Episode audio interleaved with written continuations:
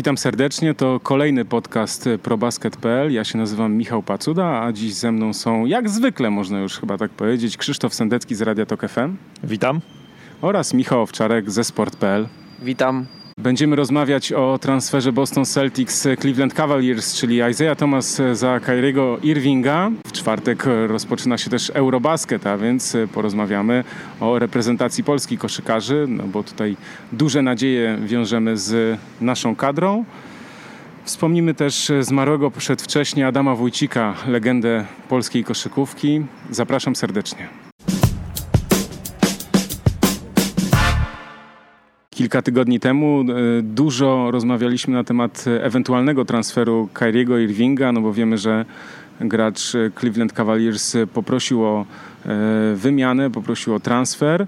No i dużo było też spekulacji z naszej strony, dużo było spekulacji ze strony dziennikarzy i kibiców e, zajmujących się NBA, no ale Myślę, że tego transferu, takiej propozycji no, my nie uwzględnialiśmy i, i, i, trudno sobie było wyobrazić, że akurat e, główny rywal Cleveland Cavaliers na wschodzie, a więc e, Boston Celtics e, zaproponują taką wymianę dla formalności Isaiah Thomas, Jay Crowder, także Zizic i wybór w drafcie za właśnie Kyriego Irvinga. No i jesteśmy przeddzień tak naprawdę decyzji o tym, czy ten transfer na pewno się odbędzie, bo w Cleveland y, po badaniach y, Isaiah Thomasa no, są pewne wątpliwości, czy zgodzić się na transfer w tym y, w tym układzie. Pytanie najważniejsze to to, czy Boston Celtics ugną się pod naciskami e, Cleveland Cavaliers, no bo ci niezadowoleni z faktu, że uraz Isaiah Thomasa e, jest poważniejszy niż e, im się wydawało, no i będą naciskać na Celtics, aby coś dołożyli. No i pytanie jest, czy myślicie, że, że Celtics się ugną pod, pod żądaniami Cleveland, czy ten transfer w ogóle dojdzie do skutku? No, sytuacja jest y, gorąca. To jest dla mnie jedna wielka polityka i, i biznes. Y, chyba mm, no, nie mam pewności, czy, czy Cavaliers dokładnie nie zdawali sobie sprawy z tego, jak e, poważny lub też mm, jaki jest dokładny stan zdrowia mm, Isaiah Thomasa i, i chyba stąd się wzięło całe, e, całe za, zamieszanie, a być może to jest właśnie taka ich, e, taka właśnie ich gra, że być może sobie zdawali sprawę, ale badania medyczne mm, są jaką taką, niejaką taką podkładką, żeby jeszcze coś więcej e, ugrać w wymianie ze swoim największym rywalem, żeby jeszcze troszeczkę tam e, kija w te szprychy bostońskie e, wsadzić i, i coś, coś jeszcze mm, lepszego ugrać na tej wymianie. Natomiast wydaje mi się, że sprawy zaszły już na tyle daleko, że obu zespołom, no nie chcę powiedzieć, że głupio będzie się wycofać z tego, co się stało, ale trudno sobie wyobrazić teraz taką sytuację, że y, mamy końcówkę sierpnia, początek września, zaraz startują obozy przygotowawcze i Kyrie Irving, który otwarcie o tym mówił, że już y, ma dosyć, już nie chce grać w, w Cleveland, wraca do Ohio. A i trudno sobie wyobrazić to, jak się będą czuć Isaiah Thomas i Jay Crowder, którzy Y, niejako są niechciani y, w Bostonie i już dla nich tam nie ma, nie ma tam dla nich miejsca. Mm, więc wydaje mi się, że to jest takie przeciąganie liny, a ostatecznie ten transfer zostanie przeprowadzony. Być może coś jeszcze mm, Celtics dorzucą lub też Cavaliers na nich wymuszą, żeby dorzucili, ale nie spodziewałbym się jakichś tutaj spektakularnych zawodników dołożonych do tej wymiany. Michał mówi, że to jest y, dla niego polityka. Jest y, tak w rzeczywistości, jest też y, takie bawienie się w to, kto kogo przechytrzył e, i jak bardzo. Mi się wydaje, że na ten moment e, Ainge przekombinował i to Cavaliers co by nie zrobili, są wygrani na tym transferze, bo jeśli on by nie doszedł do skutku, no to oni, ok, tracą trochę czasu, e, ale Irving, o który, który i tak wcześniej nie chciał grać w Cleveland, wraca, no i zostają z tym, co, co byli przed. Do tego psują atmosferę totalnie w szatni swojego największego rywala. No a jeśli ten transfer dojdzie do skutku, no to, mm, no to ja już nawet zanim pojawiła się ta informacja, że Isaiah Thomas jest kontuzjowany i Cleveland coś tam jeszcze chcą ugrać na tym, to, to twierdziłem, że Cleveland i tak więcej wygrywają na tym transferze niż Boston i że Boston na tym traci, więc moim zdaniem Cleveland jest tutaj na plusie. E, wydaje mi się, że, się że, że, że nie dojdzie do tego, że panowie wrócą z powrotem do swoich klubów, szczególnie ze względu mm, na Boston, no bo tak jak mówię, to co Danny Ainge, co władze Bostonu zrobiły przede wszystkim za Isaiah Thomasem, to jest w ogóle jakaś masakra. Znaczy dla mnie to jest niepojęte, jak można, ja wiem, to jest biznes, to są wielkie pieniądze, ale jak można potraktować tak gościa, który grał dla tego klubu e, z kontuzją, którego uwielbiali kibice, który grał, pamiętajmy, e, dzień po śmierci swojej siostry. On wrócił i zagrał i on poprowadził e, Boston tam wtedy do e, zwycięstw nad Chicago Bulls w tych playoffach. Poprowadził ich do, do finału konferencji. No i teraz tak po prostu, po ludzku, e, mówią mu, no nie, to my cię wymienimy na Kyriego Irvinga, możemy się zastanawiać, czy e, to biodro, czy stwierdzili, że jednak za rok e, nie chcą mu dać maksymalnego kontraktu, bo, bo wiemy, że, że za rok ten kontrakt e, Tomasowi się kończy i tak dalej, i tak dalej.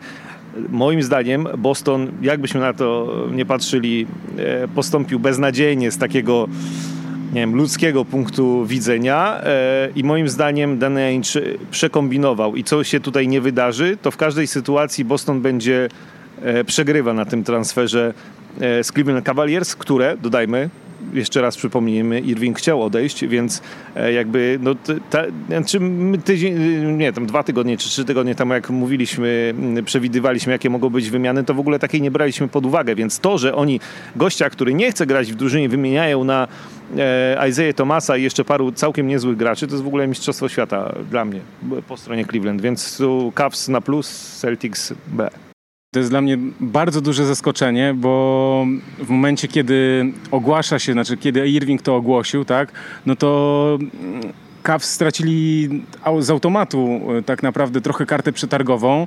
E, te kluby, które się po niego zgłaszały, nie chciały oferować tyle, ile by normalnie oferowały, gdyby, gdyby Irving tego nie powiedział. Tak? I nagle, nagle wyskakują nam Celtics z taką propozycją.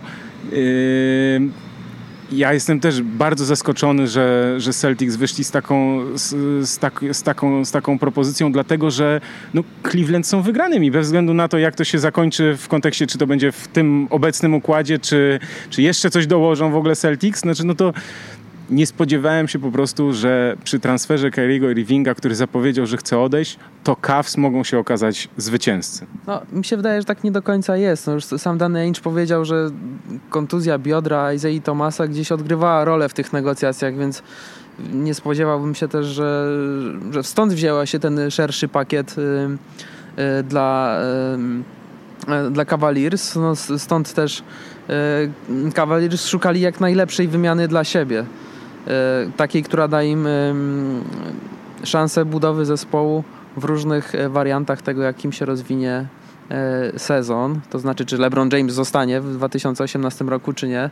I chyba nikt tak naprawdę nie oferował im jakiegoś, jakiejś możliwości mm, przyszłościowego wyjścia z tej sytuacji, a, a Celtics stwierdzili, że możemy poświęcić kilka rzeczy. Tych wyborów w drafcie mamy całe mnóstwo.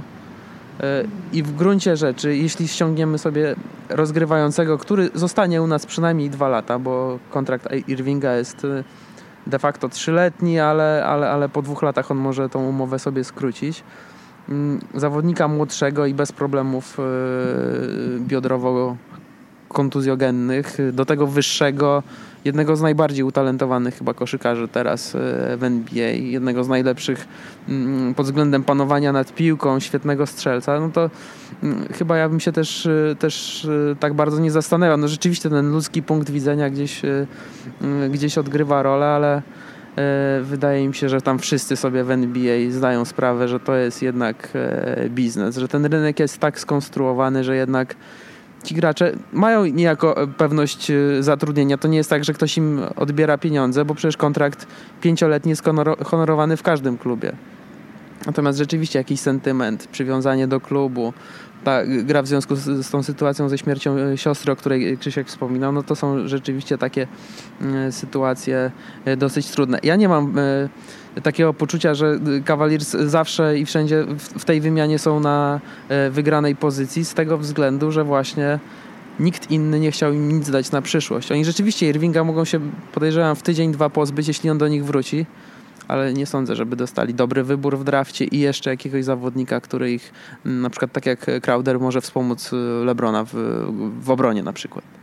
No tak, bo to je, moim zdaniem, jeśli patrzymy na, na Cavs, to, to są zwycięzcy dlatego, że, że trudno byłoby im lepszy deal po prostu znaleźć. Natomiast jak patrzę na, na propozycję Celtics, to rzeczywiście ja bym ich tutaj nie skazywał e, na taką opinię, że, że popełniają duży błąd, e, dlatego że to też jest oczywiście przemyślane. Isaiah Thomas jest graczem niewysokim, który oczywiście zdobywa w czwartej kwarcie bardzo dużo punktów, e, zapewnia zwycięstwa, natomiast no, są z nim problemy w obronie. Wiemy, że on jest ukrywany, jak to się mówi, w, w defensywie. Jest wykorzystywana jego obecność też e, na parkiecie. Poza tym yy, no jeśli spojrzymy tak jeden do jednego, no to moim zdaniem rzeczywiście Irving jest lepszym zawodnikiem, po prostu ma większy potencjał. Grał u boku Lebrona, ok, nie wszystko mógł tam pewnie też e, pokazać. Te wcześniejsze lata ja bym ich nie oceniał, kiedy Lebrona nie było, dlatego że on miał wtedy, no można prawie powiedzieć, że był nastolatkiem, więc jakby jeszcze e, tutaj bym e, tej oceny tak nie na tym się nie skupiał. Natomiast Celtics, no w myśl takiej pewnej zasady, żeby wymieniać żeby najlepszy transfer to jest, kiedy się pozyskuje gwiazdę za kilku dobrych zawodników. Oczywiście Thomas jest też gwiazdą, natomiast no, w tym układzie zwróćmy też uwagę, że, że lepiej mieć jednego lepszego gracza niż dwóch e, dobrych, dlatego że jeszcze Celtics mają, przecież podpisali z Haywardem, no a jeszcze mają Tatuma i Browna, więc e, młodych graczy, więc tutaj też Celtics, e, myślę, że jakby to powiedzieć kolokwialnie, też dobrze kombinują. E, do pytanie, czy, czy tak jak mówiłem na początku, nie przekombinowali, bo z drugiej strony, jeśli popatrzymy na ten skład, to w tej chwili z poprzedniego sezonu, a więc sezonu, w którym oni grali w finale konferencji. Zostało czterech zawodników, więc e, naprawdę bardzo przebudowany skład drużyny, która zaszła daleko. No pytanie, e, czy w tym sezonie dojdzie równie daleko, czy, czy, czy jeszcze dalej. Być może rozbija się to o to, jak poważny jest ten uraz e, Isaiah Thomasa i jaki on będzie miał wpływ na jego grę w przyszłości. E, I być może wyjdzie na to, że Danny Ainge e, ma rację, bo Isaiah Thomas w Cleveland się na przykład nie sprawdzi, albo z każdym meczem i z każdym sezonem będzie e, coraz gorzej grał. Być może. Przy czym, jak porównujesz Irvinga i Tomasa, wiadomo, że mm, Kyrie Irving jest, no, jakbyśmy oceniali, większą gwiazdą, tak? lepszym koszykarzem. Pamiętajmy, że to są goście, którzy przyszli w tym samym drafcie. Kyrie Irving z jedynką, Isaiah Thomas z numerem 60, a więc ostatnim. Dzisiaj, e, moim zdaniem, ta różnica między nimi jest mniejsza. Znaczy, Isaiah Thomas wskoczył na poziom, na który myślę nikt nie spodziewał się, że on może się tam znaleźć. Gdzieś tam e, ten wybór tak niski w drafcie o tym e, świadczy. Czy on będzie grał tak jak w Bostonie, również w Cleveland? Na ile pomoże LeBronowi? No to jest oczywiście wielkie pytanie i pewnie dopiero za jakiś czas będziemy mądrzejsi. Tylko jeszcze jedna rzecz. No, z jednej strony Celtics, z drugiej strony skład Cavs. E, no bo e, zakładając, że Isaiah Thomas jest jednak do grania mimo tej kontuzji, no to moim zdaniem to nie jest aż tak wielka strata w porównaniu z Kyrie Irvingiem na pozycji numer jeden, a jednak Crowder to jest od razu grać do pierwszej piątki. E, I to jest całkiem dobry obrońca, co się w Cleveland przyda i z całkiem niezłym rzutem. E, no i e, gdzieś tam też być może początki budowania tej drużyny na przyszłość, bo Zizic to wiadomo, no to jest raczej gracz perspektywiczny, perspektywiczny. Zobaczymy jak bardzo, tak? No on się, on się przyda raczej w przyszłości, jeśli się będzie rozwijał jego talent. No i ten wybór w drafcie gdzieś tam schomikowany od Brooklyn Nets, który też może dać, e, ale nie musi, ale może dać e, coś bardzo pozytywnego. No i pytanie, co jeszcze, bo jeszcze i Cleveland na przykład jeszcze jeden pik w drafcie wyszarpią za tą kontuzję Isaiah Thomasa, no to będzie, będzie jeszcze lepiej. E, tak naprawdę no ja, ja się będę upierał, że na ten moment wydaje mi się, że Cleveland na tym transferze wygrali, no ale oczywiście może się okazać, że e, Dan Ainge, który już zrobił e, kilka wielkich rzeczy, e, kombinując niezwykle i rozbijając kiedyś ten Boston Celtics z Polem Pierce'em i Kevinem Garnettem, i tak dalej, no może on ma rację i nie wiem, spotkamy się za jakiś czas i powiemy, a no tak, no to Boston jednak. No, na dzień dzisiejszy wydaje mi się, że, że Cleveland są na plus na tym transferze, ale jak będzie, to, to nie wiem. No, ja nie jestem do końca przekonany, czy, czy, czy, czy Cavaliers tak y, dużo na tym transferze mm, wygrali, bo po pierwsze nie wiemy, kiedy mm, Isaiah Thomas y, będzie gotowy do gry, a po drugie, co wydawało się dosyć mało prawdopodobne, Cavaliers udało się znaleźć gorszego obrońcę na pozycję numer jeden od Kyriego Irvinga. Więc y, trochę pod tym względem defensywnym tam gdzieś na obwodzie będą problemy, bo trzeba przypomnieć o tym, że jeśli Thomas zostanie w, w Cleveland, to jego zmiennikami będą Derrick Rose i Jose Calderon, także y, wirtuazeria defensywna y, naprawdę najwyższych y, y, lotów. Może to y, zadowoli Lebrona w jednym sezonie, ale czy to go przekona y, do pozostania w zespole, no to nie wiem. Nie wiem, jaki jest y, pomysł na, na przyszłość tej drużyny. No, ale wydaje się, co warto chyba też podkreślić, że Kobe Altman, który nieco ponad miesiąc pracuje w Cleveland, ugasił kilka pożarów, ale to nie jest jeszcze tak, że, że tam jest już wszystko pięknie i spokojnie i sielanka. No, tam jest jeszcze trochę roboty mm, do zrobienia. Ta drużyna jest na pewno nieco słabsza niż, y, niż była w, w poprzednim sezonie, kiedy grała w finale.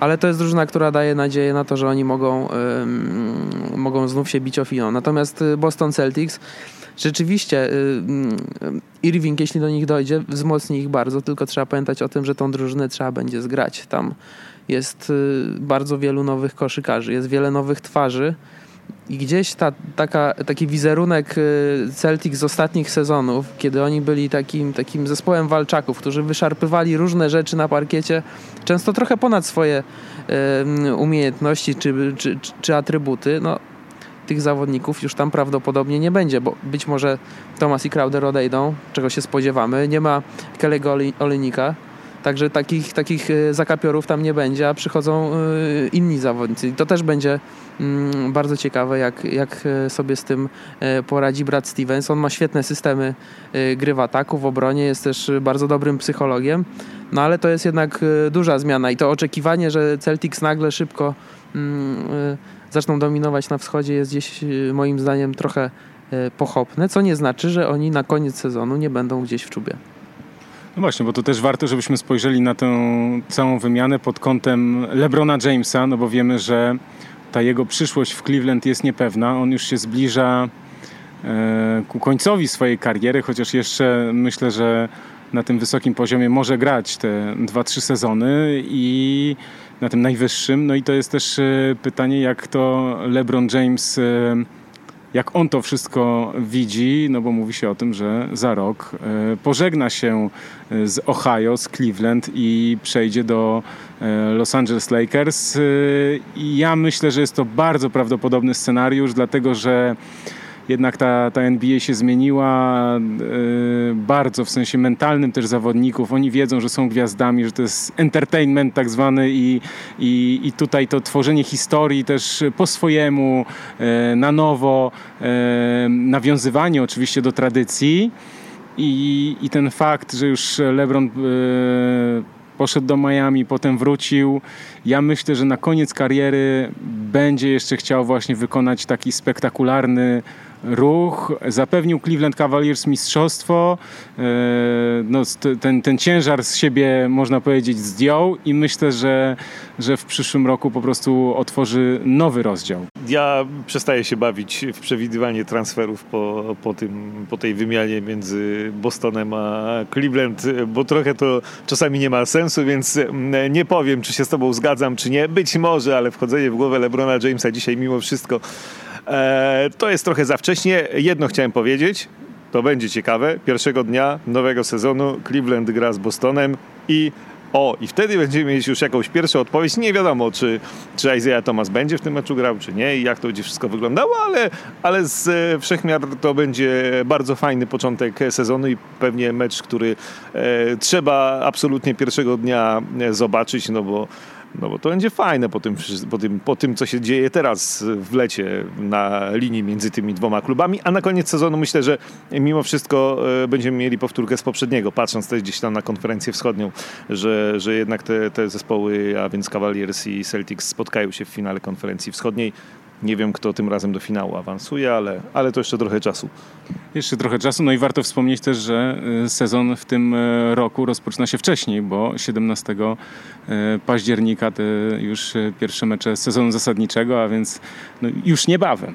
No właśnie, 17 października, bez względu jak się ta wymiana potoczy, ułoży, czy ktoś tam dojdzie, przejdzie, już bez względu na to, co się wydarzy w tych biurach, w głowach koszykarzy ten mecz y, to będzie piękne rozpoczęcie sezonu pod każdym względem.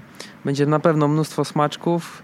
Będziemy patrzeć na tych koszykarzy, jak oni się zachowują. Jeśli zostaną w klubach, no to też będziemy mm, ich obserwować. Jeśli dojdzie do jakichś innych wymian, to też będzie ciekawe, mm, jak oni staną y, naprzeciwko siebie. Gdzieś jest mm, takie oczekiwanie, że jeśli Kyrie Irving przejdzie e, do Bostonu, no to LeBron James, mimo tych jego ciepłych dosyć słów e, tuż po transferze na Twitterze, mm, z dosyć dużym szacunkiem się wyrażał o no, natomiast myślę, że e, będzie nowa misja LeBrona Jamesa i nowa rywalizacja i będzie chciał pokazać, że jednak młody człowiek popełnił jakiś być może błąd w swoim życiu. Mm, no i zobaczymy. No, jeśli ty mówisz o, o, tym, o tym, że LeBron może odejść, no to trzeba patrzeć na różne e, znaki na niebie i ziemi. Z tych znaków e, na ziemi e, to mamy taką informację, że Cleveland wstrzymało plany rozbudowy swojej hali w najbliższych latach, więc to może wskazywać, że oni jednak chyba nie widzą gdzieś tej przyszłości z LeBronem Jamesem. Spodziewają się, że go jednak może zabraknąć. Reprezentacja Polski poleciała już do Helsinek, gdzie rozgrywana będzie jedna z grup Mistrzostw Europy. Ja przypomnę, że w czwartek 31 sierpnia o godzinie 12.45 czasu polskiego pierwszy mecz na Eurobaskecie naszej kadry, e, spotkanie ze Słowenią. Potem gramy w sobotę E, o 12.45 z Islandią, w niedzielę o 19.00 e, z Finlandią, z gospodarzami, no i potem jeszcze we wtorek o 15.30 z Grecją i e, przepraszam, z Francją, a w środę o 16.30 z Grecją. Sześć tygodni przygotowań. Obserwowaliśmy tę kadrę od początku, od zgrupowania w Wałbrzychu, od meczu z Czechami. Potem były kolejne e, sparingi. Było, e, były zwycięstwa w jeden weekend z Rosją i z Niemcami na turnieju w Hamburgu. Ostatnio był e, turniej w Legionowie. No i właśnie, to jest do Was pytanie, jak Wy widzicie potencjał tej drużyny i możliwości, gdzie dziś jesteśmy i na co nas stać? To ja zacznę e, od tych złych rzeczy. Znaczy, bo będę mówił generalnie dobrze o reprezentacji Polski, tej obecnej, tej drużynie Majka Taylora, ale cały czas mam gdzieś w głowie rok 2013 e, i to był taki Eurobasket na który jechaliśmy z wielkimi nadziejami. Ja, wydaje mi się, że 2009 ok, było w Polsce, też były spore oczekiwania, ale mi, wydaje mi się, że w 2013 roku, przynajmniej na papierze, udało się zebrać najsilniejszą drużynę w ostatnich latach. E, mieliśmy trenera, który wydawał się, Dirk Bauerman, e, przypominam, e, takim gościem, który może poprowadzić ten zespół do sukcesów. Gdzieś tam już pojawiały się, że a może nawet po medal, E, no później było wielkie boom i tam 20 punktów z Gruzją na dzień dobry i później skończyło się na tym, że nie wyszli e, nasi koszykarze z grupy. Przypominam to po to, żeby e, samemu sobie trochę, trochę, trochę ostudzić głowę, bo E, mi ta kadra Majka Taylora w te wakacje się podobała. Znaczy ja e, w tym momencie e, kupuję ten cały pomysł z tym, że to Taylor jest trenerem, chociaż nie do końca zgadzam się, żeby przedłużać z nim umowę już przed Eurobasketem na kolejne dwa lata, no ale to zostawmy na razie. Bo co roku widać, że rzeczywiście ci goście się ze sobą zgrywają i coraz bardziej, coraz lepiej rozumieją. Tą kadrę się fajnie ogląda i to jest dla mnie największy plus jak na razie, bo to jest koszykówka, która jest e, po prostu e, fajna do e, oglądania, do kibicowania. Tam są niesamowite asysty, tam są alejupy, tam są slamdanki, tam są długo grane akcje i kończone rzutami z dystansu, tam jest rzeczywiście jakiś na to pomysł i jeśli popatrzymy poza parkiet, to tam jest ławka rezerwowych, która cały czas żyje. Znaczy, jeśli Wiadomo, że to jest standardowe pytanie o atmosferę w szatni, w drużynie. E, słyszę, od, zazwyczaj też jest standardowa odpowiedź, że zawsze ok, jest fajnie, wszyscy się lubimy i tak dalej, tylko ja tym razem w to wierzę. Znaczy, jeśli koszykarze mówią, my się tu wszyscy mm, lubimy, a tak mi na przykład dzisiaj Mateusz Ponitka mówił, że, że to nie jest tak, że ktoś tu jest sobą. Nie, my wszyscy jesteśmy ze sobą zżyci, żartujemy, e, jesteśmy razem. To to widać na tej ławce rezerwowych, e, gdy e, naprawdę ci rezerwowi żyją, krzyczą, dopingują, skaczą, przeżywają ten mecz i to jest taki pierwsza, pierwsza i najbardziej łatwa do wychwycenia oznaka, że w tej drużynie jest fajnie. Mike Taylor jest gościem mega energetycznym, pozytywnym. Zastanawiam się, czy czasami on w ogóle używa jakichś słów niecenzuralnych albo, albo krzyczy na tych e, koszykarzy. E, I tak. No ja wiem, no też podobno tak, no też słyszałem, że tak. Byłem kilkanaście razy w szatni e, tego świadkiem, kiedy rzeczywiście też duże emocje były w nim i E, ale to, co jest ważne, to co mówisz, bo mówisz o tej atmosferze, e, to zresztą widać na, na filmikach, jakie Michał Fałkowski na, na, na koszkadrę e, wrzuca na Twitterze czy na Facebooku, ale ta zaleta Mike'a Taylora jest taka, że no w przeciwieństwie do poprzednika, w, momencie, w momentach trudnych, to, to jest krytyka, owszem, ale to jest krytyka mobilizująca, to jest, to jest, to jest taka umiejętność jego, e, że on ich może ochrzanić, może krzyczeć, być wściekłym, ale wszystko to, co robi, e, jest po to, aby ta drużyna była lepsza, ale w każdym tym słowie, nawet krytyki, słychać po prostu wsparcie i to jest, no, nie chcę powiedzieć konstruktywna krytyka, to jest taka krytyka motywująca, ale w, w, sposób pozytywny. I ja myślę, że to wszystko zresztą to, o czym mówisz, wynika właśnie z tej e, z tego bycia pozytywnym e, przez Mike'a Taylora, to czego wielu z tych zawodników no, wcześniej doświadczało rzadko, bo nagle się okazuje, że w trudnych momentach y, trener stoi po prostu murem za swoimi zawodnikami i wspiera ich, y, no bo słuchajcie, no, ochrzanić można każdego za, za nietrafiony rzut spod kosza, prawda? I jeszcze sprawić, żeby się źle czuł, no to, to, to, jest, to, zawsze, to, to jest zawsze proste. Natomiast tu jest ta umiejętność, poza oczywiście tym no, przygotowaniem taktycznym ogromnym, to jednak ja myślę, że to jest ten największy atut i to jest to, co buduje właśnie tą drużynę, to, to postawa Majka, który który właśnie w trudnych nawet chwilach tak, staje po stronie zespołu i każdy z zawodników wie, że może liczyć na jego wsparcie. No i to jest akurat e, fajne, bo są różni trenerzy, a Mike Taylor, Taylor którego też tam powiedzmy, że od początku zwolennikiem nie byłem i nie byłem też e, zwolennikiem wielu jego decyzji personalnych, to teraz gdzieś tam mnie po, przekonuje, oby przekonał mnie wynikami, no bo też e, okej, okay, rozumiem to, że jeśli on sobie wybiera jakichś zawodników i oni co roku przyjeżdżają i Możemy popatrzeć, nie wiem, dzisiaj na, na polskich koszykarzy i gdzieś tam pewnie wśród rezerwowych na przykład znaleźć sobie takich, którzy wydają nam się lepsi, albo kogoś, byśmy, kogoś innego byśmy wstawili za, za tego, który jest, ale kupuję to, że ta drużyna, że rzeczywiście ona się zgrywa i to zgranie jest ważne, więc, e, więc to jest ok. No i dobra, no i ten Mike Taylor tak czy inaczej robi tą dobrą atmosferę wokół tej drużyny swoim zachowaniem i rzeczywiście widać, że oni są wszyscy zgrani i się lubią, jest fajnie. E, w sparingach było 7 zwycięstw, 4 porażki. Fajna koszykówka z pomysłem. E, no i teraz oby się nie powtórzył rok 2013, a więc y, no, muszą pojechać i teraz wygrywać na, na, na Eurobaskecie. No i fajnie by było, jakby już od razu w tym pierwszym meczu ze Słowenią e, powalczyć o zwycięstwo, to, no, to później już może być naprawdę, naprawdę całkiem niezły, źle, e, a ten terminarz tak w ogóle to jest też całkiem niezły akurat, bo z tą Słowenią, nawet jeśli przegramy pierwszy mecz, to później mamy Estonię i Finlandię i to są dwa mecze, które trzeba wygrać Islandię, Islandię i Finlandię. Czekaj, za dużo siatkówki ostatnio. Islandię i Finlandię. E, Islandię i Finlandię, Estonia i Finlandia, siatkarze nasi grali. E, Islandię i Finlandię, no i to są dwa mecze, które trzeba wygrać. Z Islandią myślę, że na tym poziomie to na spokojnie, z Finami, którzy też mają trochę problemów, grają u siebie, ale też się pewnie da wygrać. No i wtedy już tak naprawdę właściwie z pewnym awansem można grać z Francją i Grecją. Więc ta grupa jest silna, ale ja jestem optymistą. Żebym nie powiedział, że za zbyt wielkim, ale, ale jestem optymistą. No ja się właśnie tak e, zacząłem e, nad tym zastanawiać, gdzie jest e, miejsce Polski na tej mapie Europy. Mm, ranking FIBA wskazuje na lokatę numer 17. Mm, jeśli wziąć pod uwagę wyniki y, sparingów wszystkich drużyn i sobie zrobić taką tabelę ala NBA, bo każdy tam zagrał trochę inną y, liczbę meczów, ale wziąć ten procent wygranych, no to wynika z niego, że jesteśmy gdzieś w okolicach dziesiątego mm, miejsca, no ale jak tu zważyć, y, kto z jakim rywalem się mierzył?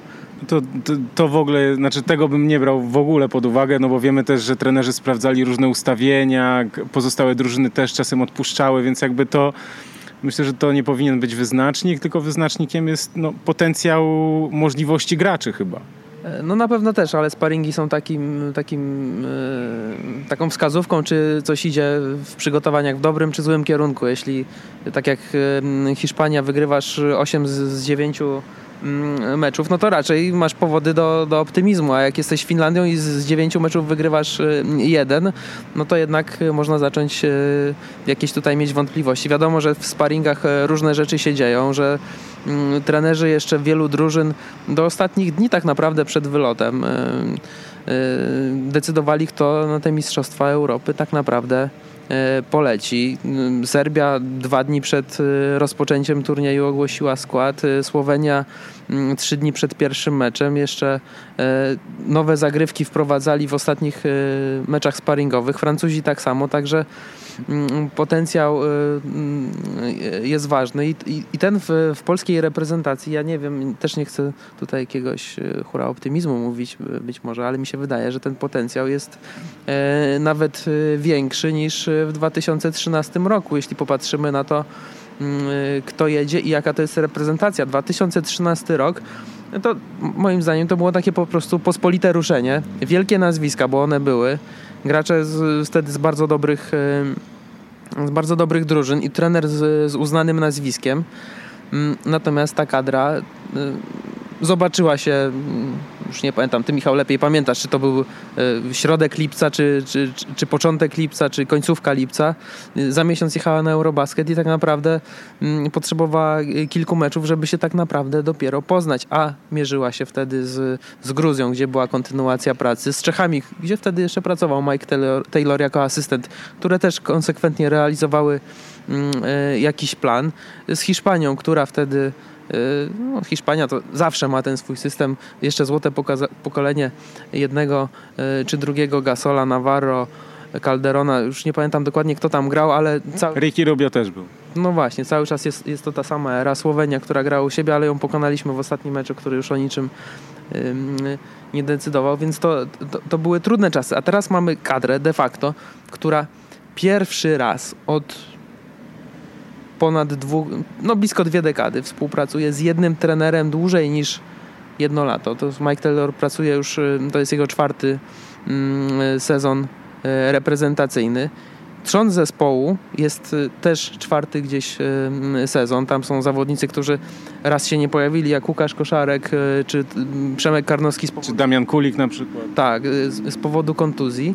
Mm, ale ci koszykarze już są z tym systemem e, zaznajomieni, już są sprawdzeni w boju, bo i dwa turnieje eliminacyjne e, wygrane w lepszym bądź e, w, gorszym stylu. No, kochane, pierwsze miejsca. Pierwsze miejsce, ale to mm, różnie można na to patrzeć. Zależy, jakie kto ma oczekiwania. Wiadomo, że kadra patrzy pod względem swoich oczekiwań. Kibice mają pewnie mm, trochę inne oczekiwania i w zeszłym roku to ta jedyna mm, porażka wstydliwa, bo ona taka była, ten mecz był fatalny. No może być jakimś takim, taką, taką delikatną rysą na, e, na, na tej kadrze. No ale sprawdzeni w boju. Koszykarze, którzy byli y, już na Mistrzostwach Europy, gdzie też ich y, euforia mm, po jednym z meczów poniosła, a następnego dnia Izrael sprowadził ich troszeczkę mm, na ziemię i myślę, że to są takie doświadczenia, które dla takich zawodników jak Mateusz Ponitka czy Adam Waczyński, gdzie oni gdzieś to mają w pamięci, już na ten turniej podejdą, podejdą o wiele, wiele dojrzalej.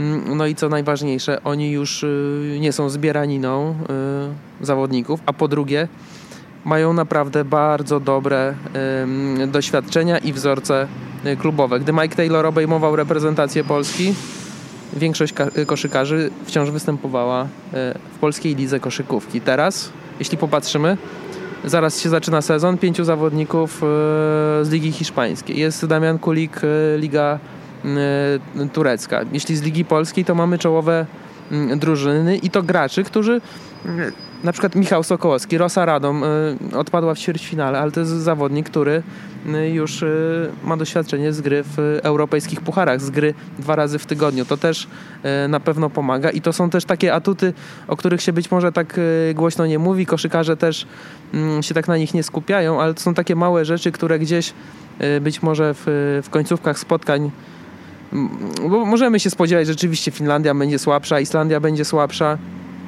i oczekujemy gdzieś zwycięstwa, ale na Eurobaskecie y, z Czechami i z Gruzją też mieliśmy łatwo wygrać, bo też były teoretycznie słabsze drużyny, ale y, robi się 3 y, sekundy do końca, trzeba oddawać rzut i, i to są takie momenty, kiedy te wszystkie doświadczenia będą procentować. Jestem pełen optymizmu, ale też myślę, że pełen spokoju i wiary w to, E, na co stać tę drużynę i, i, i, to, jakie ma umiejętności, jakie mają umiejętności poszczególni zawodnicy, dlatego że myślę sobie, że Adam Waczyński e, jest jeszcze lepszy, Mateusz Ponitka też jest jeszcze lepszy, każdy z tych graczy jest jeszcze lepszy niż e, był dwa lata temu na przykład na, na, na Eurobaskecie, że te doświadczenia zebrali ogromne i, i teraz jest ta okazja, żeby pokazać właśnie się z jak najlepszej strony. Mateusz Ponitka myślę, że no, to może być jego turniej, e, bo on idzie jak burza tak naprawdę te, w tej swojej karierze e, i myślę, że jeśli będą potrzebne punkty właśnie w tej w końcówce, jak mówicie, e, to, to Ponitka weźmie na siebie ciężar gry, ale mamy też innych zawodników, których też stać na na bardzo wiele. Wspominamy, wspominacie wy ten 2013 rok. Dla mnie to już jest prehistoria, bo jeszcze 4 lata kolejne potem z Mike'iem Taylorem przepracowałem, e, będąc przy tym projekcie e, Koszkadra i jakby widzę ogromną zmianę, zupełnie coś innego, bo też w tej kadrze, przy tej kadrze w 2013 roku byłem. Tam pomysł Dirka Bauermana był prosty na dwie wieże, Natomiast e, jak nas zaskoczyli, bo wszyscy odczytali oczywiście, że, że jest gra na dwie wieże, to nie było alternatywy. Łukasz Koszarek na jedynce był sam wtedy, e, był Krzysiek Szubarga, ale to trener Bauerman nie zdecydował się, żeby na niego stawiać. Natomiast dziś ta kadra jest moim zdaniem niesamowicie zbilansowana. To znaczy mamy e, giganta pod koszem, który po prostu może zrobić miazgę z rywali, czyli Przemka Karnowskiego, ale jeśli będą niżsi, sprawniejsi rywale, to mamy na, na pozycji środkowego może grać e, Damian Kulik, Aaron Cel wiadomo, że świetny w defensywie i na zbiórkach, ale też grozi rzutem z dystansu. Na obwodzie, nawet jeśli Łukasz Koszarek e, gdzieś tam będzie potrzebował tlenu i zmiany, to jest bardzo dynamiczny i mający za sobą bardzo dobry sezon AJ Slotter. No a na obwodzie, no słuchajcie, Waczyński, Ponitka, Zamojski i jeszcze właśnie to, o czym mówiłeś Michał, Sokołowski wchodzący z ławki, to nie jest... Yy to nie są leszcze, Stefan, jak to się mówi. W sensie takim, że, że Sokół jest liderem swojej drużyny i widzieliśmy też na, na tych turniejach, tak? że, że to nie jest, yy, że on, to, o, dobra, no to tam 10, 11 jestem w rotacji, to na chwilę wyjdę, może mi się coś uda. No nie, znaczy no Sokół tam w pewnym momencie w defensywie po prostu yy, wygrał mecz, więc... Yy, Oczywiście bądźmy ostrożni z e, tak zwanym hura optymizmem i stawianiem na, na po prostu, że idziemy nie wiadomo jak wysoko, natomiast no, potencjał jest ogromny i ja myślę, że, że będziemy świadkami czegoś, czegoś naprawdę dużego. To jest rzeczywiście tak, że y, tą kadrę w tym sezonie zaczęliśmy może w takim środowisku koszykarskim mm, doceniać, bo, e, bo nie sądzę, żeby ta kadra e, w tym momencie e, do takiej szerszej grupy mm, kibiców jeszcze trafiła. Zwłaszcza, że konkurencję, gdy startują mistrzostwa, ma mm, ogromną, bo i siatkarze biją się w Mistrzostwach Europy organizowanych u nas. Piłkarze nożni wciąż jeszcze mają szansę bardzo szybko sobie zapewnić awans na Mistrzostwa Świata w Rosji i gdzieś ta, ta kadra do mainstreamu, koszkadra, do mainstreamu się nie przedarła. Mateusz Pońka dzisiaj mi powiedział, że no, może to i lepiej. Jak to mówią Rosjanie, cicho idziesz, dalej zajdziesz, więc może tak, tak, tak to jest. Natomiast optymizm co do kadry jest jak najbardziej wskazany, tylko my tak naprawdę nie mamy żadnego porównania. Bo nie, nie wiem jak wy. No, ja śledziłem przygotowania naszych koszykarzy, ale żebym obejrzał więcej niż y, po jednym y, sparingu czołowych ry naszych rywali grupowych, no to nie powiem, więc tak naprawdę nie wiemy do końca, znaczy ja mówię za siebie, ja nie wiem jaka jest do końca siła reprezentacji Francji, reprezentacji Grecji. Um, o Finach i Islandczykach świadczą wyniki ich sparingów i te drużyny są słabsze, czy, czy tak samo Słoweńców. To są bardzo e, dobre drużyny i trzeba sobie zdać z tego sprawę, że ta grupa jest, e, jest naprawdę, naprawdę trudna. Zagraniczni eksperci mówią, że że my w tej sześciozespołowej grupie powinniśmy zająć e, piąte miejsce. E, gdzieś chyba trochę nas nie doceniają, e, biorąc pod uwagę to, że, że Finowie mają słabszą drużynę niż choćby dwa lata temu, że Peteri Koponen jest po ciężkiej kontuzji, że późno dołączył do drużyny, a, mm, która jest w przebudowie. Natomiast trzeba pamiętać o tym, że mm, rywale też, też nie jadą tam na, na wycieczkę i że każdy Mm, jedzie mm, tam po medal de facto y, że drużyny, które są w przebudowie, tak jak reprezentacja Francji bez swoich y, największych y, gwiazd z ostatnich lat, także będzie chciała zrobić tam świetny, świetny wynik, która być może wreszcie zostanie uwolniona od, od, od Tonego Parkera, że Nando De Colo nagle mm, zacznie przejmować to, co się tam będzie działo. I tak samo, tak samo Grecy. No, był, był skandal i, i zamieszanie z Janisem Antetokounmpo, był mm, były problemy z, w ogóle z wyborem selekcjonera. To wszystko bardzo długo trwało, jakieś wewnętrzne konflikty w drużynie, ale e, będzie pierwszy gwizdek, e, pierwszy mecz i tak naprawdę to wszystko, o czym my dzisiaj tutaj sobie rozmawiamy, od pierwszych wyników pierwszych meczów będziemy mogli sobie wsadzić do kosza, bo się turniej ułoży inaczej niż my przewidujemy i trzeba będzie na bieżąco reagować. No właśnie, bo my nie mamy tak naprawdę, mi tego najbardziej brakuje odniesienia do e, wyników meczów o punkty, bo my wiemy jak ta kadra wygląda w sparingach, nie wiemy czy nie zdarzy się tak jak e, dwa lata temu, że po super meczu przyjdzie Izrael i z tym Izraelem przegramy. No teraz wiadomo, że w grupie może przyjść kto inny, nie wiem, po dwóch pierwszych na przykład zwycięstwach przegramy z Finami. E. Tak, bo to jest też ważne, żeby też e, nie stracić tej koncentracji, bo te małe punkty, bo potem się okaże, że zupełnie się inaczej wszystko poukłada. Zresztą mieliśmy to, e, byliśmy świadkami tej, tych małych punktów w Legionowie podczas turnieju, bo przegraliśmy z Izraelem trzema punktami, wygraliśmy z Wielką Brytanią dziesięcioma, no ale Izrael gdzieś tam odpuścił w tym, w tym ostatnim spotkaniu, przegrał z Wielką Brytanią dwudziestoma punktami i okazało się, że to Wielka Brytania na pierwszym miejscu zakończyła turniej, więc te małe punkty w tej tabeli trzeba trzeba e, pamiętać, że w przypadku właśnie bezpośredniego bilansu zwycięstw i porażek, to one odegrają kluczową rolę. To prawda, to ta koncentracja e, i niepozwalanie sobie na takie słabsze momenty. E, poza tym kilka rzeczy się nie może na tym Eurobaskecie wydarzyć. Znaczy, Przemek Karnowski jest absolutnie fantastycznym graczem i to wszyscy wiemy. I on jest, myślę, jest gotowy. On sam mówił, że jest gotowy na to, żeby przepychać się z tymi najlepszymi centrami w Europie i, wygrywać. Przy czym widzieliśmy e, w meczach e, z Rosją, z Serbią, że e, w pojedynkach z takimi graczami jak Mozgow, jak Marianowicz, to jeszcze bywa, że tak powiem, różnie. E, ja wiem, że na Karnowskiego słabsze drużyny nie będą miały żadnego sposobu pod koszem, e, za to te mocniejsze, no właśnie, to jest pytanie, czy Przemek Karnowski sobie poradzi e, i tak samo, czy ta kadra sobie poradzi. Mówimy dużo o tym, że to jest wyrównana drużyna, że nie ma gwiazd, bo, bo nie ma Marcina Grotata z różnych tam względów, nie ma Macieja Lampę, a więc tych najsłynniejszych koszykarzy w ostatnich latach.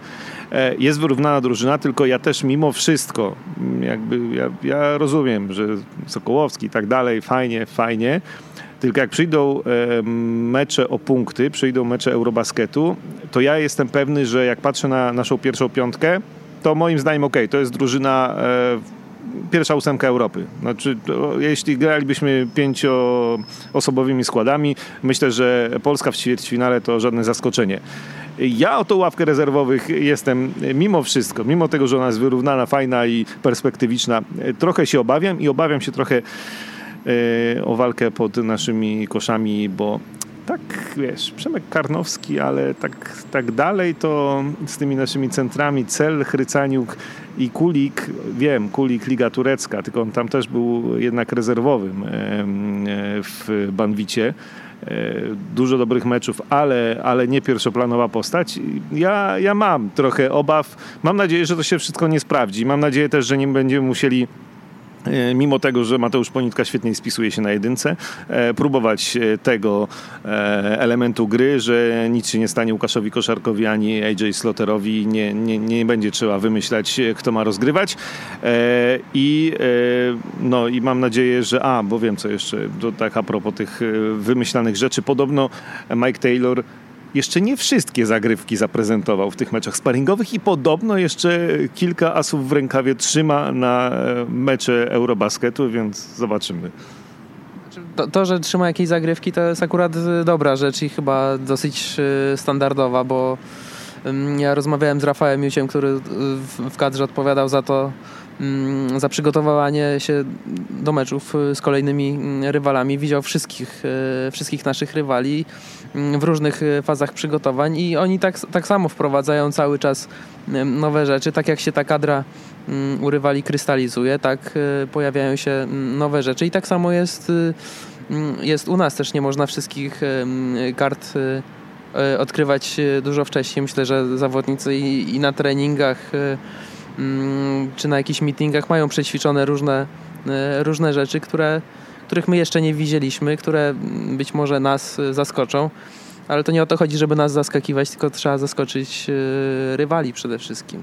No ja, się, ja trochę tych twoich, Krzysiek, obaw podzielam, bo rzeczywiście pod koszem może być, może być różnie. Y, jak się zdarzy problem z faulami, jak rywale znajdą jednak pomysł na to, jak dobrze podwoić y, y, Przemka Karnowskiego, bo on rzeczywiście umie z tego podwojenia wychodzić, to przećwiczył dobrze i, i, i w Gonzadze i teraz z tymi rywalami w Legionowie. No, jakieś kolejne starcie z Bobanem Marianowiczem to bym raczej się nastawiał gdzieś w fazie pucharowej, bo wcześniej nie mamy nie ma takiego koszykarza drugiego o takich parametrach. Takiego wielkiego, który ma y, dłonie jak y, łopaty od koparki, także spodziewałbym się raczej, mm, że rzeczywiście tutaj, tutaj są jakieś drobne takie, y, takie problemy. Mm, no i ta ławka rezerwowych też jest jakimś znakiem zapytania. No, w meczu z Węgrami, którzy mm, sparingowym, którzy, gdzie oni nie wystawili swoich trzech najlepszych graczy, Mm, pierwsza piątka pociągnęła e, w pierwszej kwarcie, weszli rezerwowi i, i się zrobiło gorąco jeszcze do przerwy. Dopiero druga połowa tam nieco wątpliwości e, rozwiała, więc jest troszeczkę tych e, znaków zapytania. Gdzieś ten optymizm można różnymi właśnie znakami zapytania. To nie są jakieś wielkie problemy, tylko raczej znaki zapytania tłumić. Też rozmawiałem z Przemkiem Karnowskim i on, on mówi, Mm, y, bardzo jasno o, o silnych stronach reprezentacji Polski, ale podkreśla, że ta kadra miewa problemy, tylko że to są takie problemy, które w, w następnym mm, meczu jest w stanie wyeliminować. No, kluczowa kwestia jest taka, żeby te problemy się nie nawarstwiły e, w jednym spotkaniu i żeby oni umieli mm, z nich wychodzić. Ułatwieniem jest troszeczkę e, terminarz i, i wcale nie chodzi mi o to, z kim Y, z kim po kim gramy, tylko to, że teraz w tym sezonie mm, na tym Eurobaskecie gra się 5 meczów, nie w 6, a, a w 7 dni są, są dwa mecze, na, dwa dni na, na wypoczynek i gdzieś jest to też taki, taki moment, że jak coś pójdzie nie tak, czy to w pierwszym meczu, czy, czy przed tymi dwoma kluczowymi, no jest, jest jakaś szansa na to, żeby coś poprawić. No dobrze, a więc Czekamy na rozpoczęcie Eurobasketu. Przypominam, w czwartek 12.45 e, gramy ze Słowenią, w sobotę 12.45 z Islandią, w niedzielę o 19.00 z Finlandią, we wtorek o 15.30 z Francją i w środę o 16.30 z Grecją transmisję w TVP Sport. No, my się nie możemy doczekać tego pierwszego gwizdka, no i czekamy, liczymy na jak najlepszy wynik naszej reprezentacji.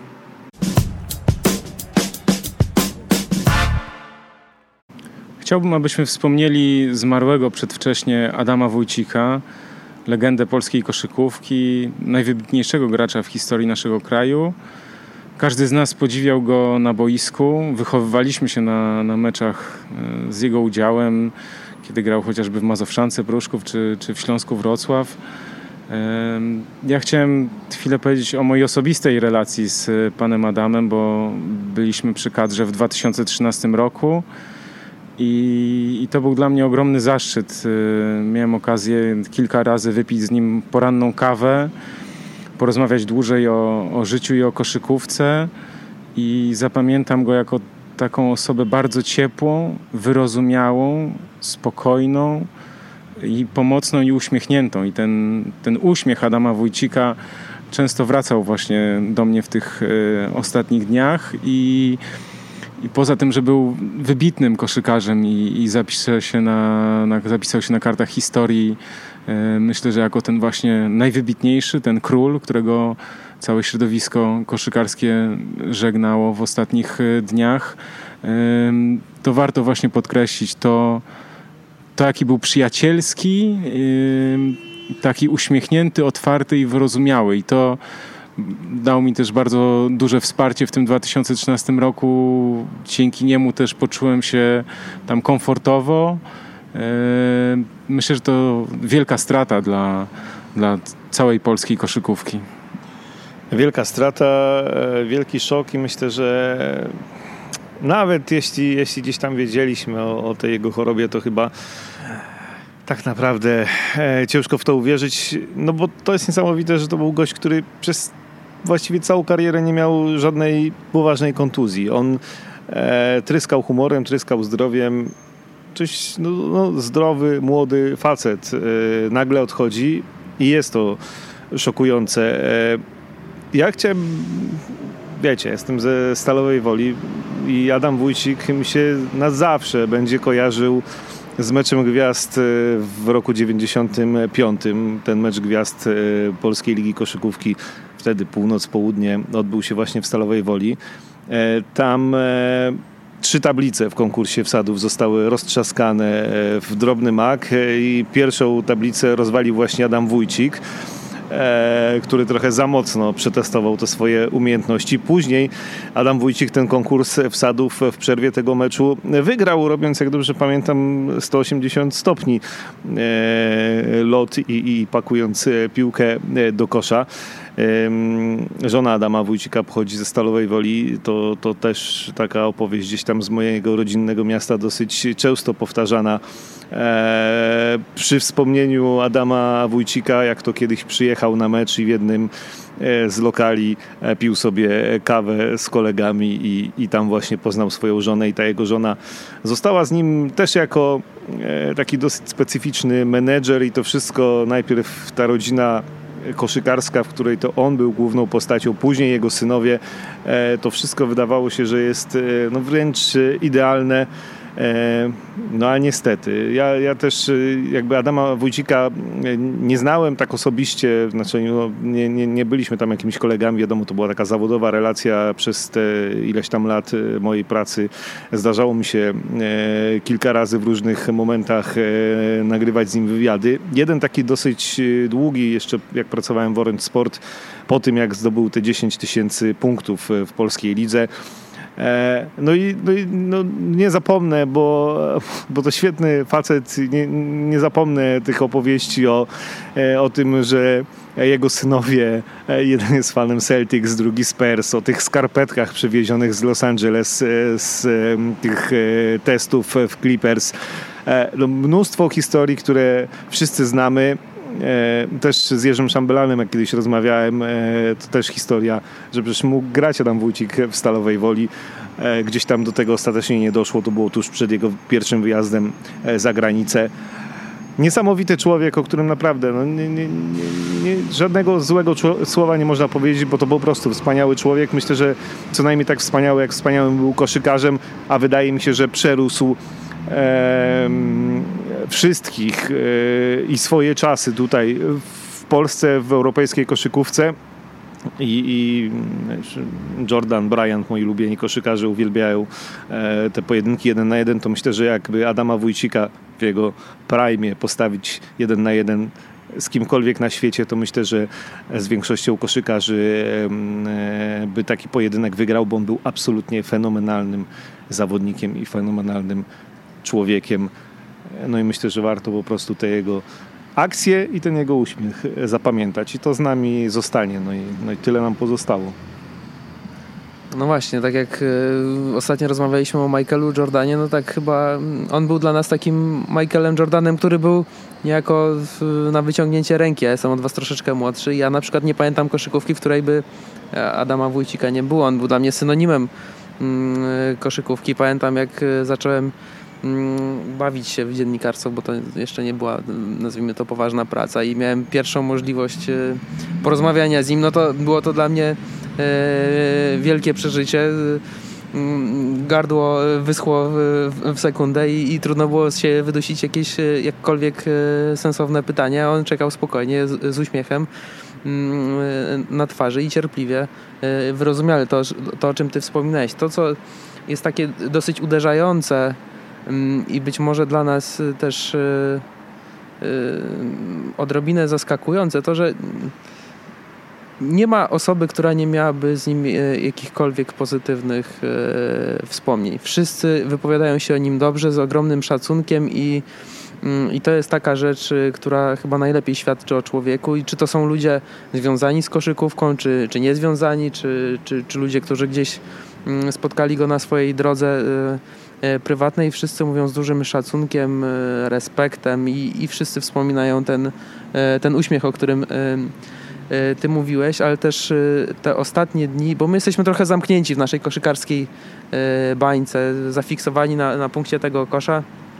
Wydaje nam się, że to jest dyscyplina numer jeden i, i, i, i tak dla nas jest, ale te ostatnie dni też pokazały, że, że kiedy Adam Wójcik latał nad, nad obręczami, to, to, to był sport, y, sport numer dwa w tym kraju. I, i mój redakcyjny kolega Paweł Wilkowicz zapytał, zadał takie pytanie na Twitterze, jak, jak wytłumaczymy dzieciom kiedyś, że, że kiedy Adam Wójcik grał w, w tego kosza, to był sport numer dwa. I jak on grał?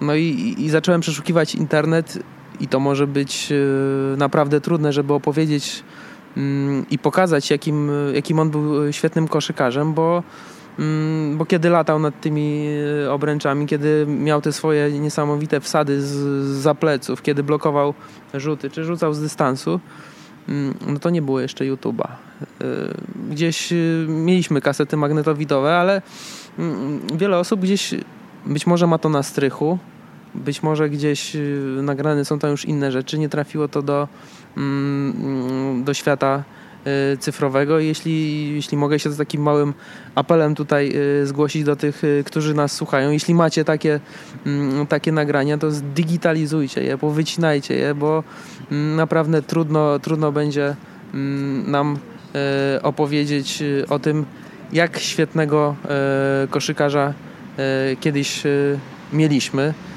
i jak, jak dobrą koszykówkę kiedyś można było mm, nad Wisłą zobaczyć. To nie jest tak, że od razu deprecjonujemy to, co może się wydarzyć za parę lat, ale warto, warto gdzieś te wspomnienia zakonserwować i pokazywać młodszym pokoleniom, żeby to nie było jak, jak starożytną historią jakąś.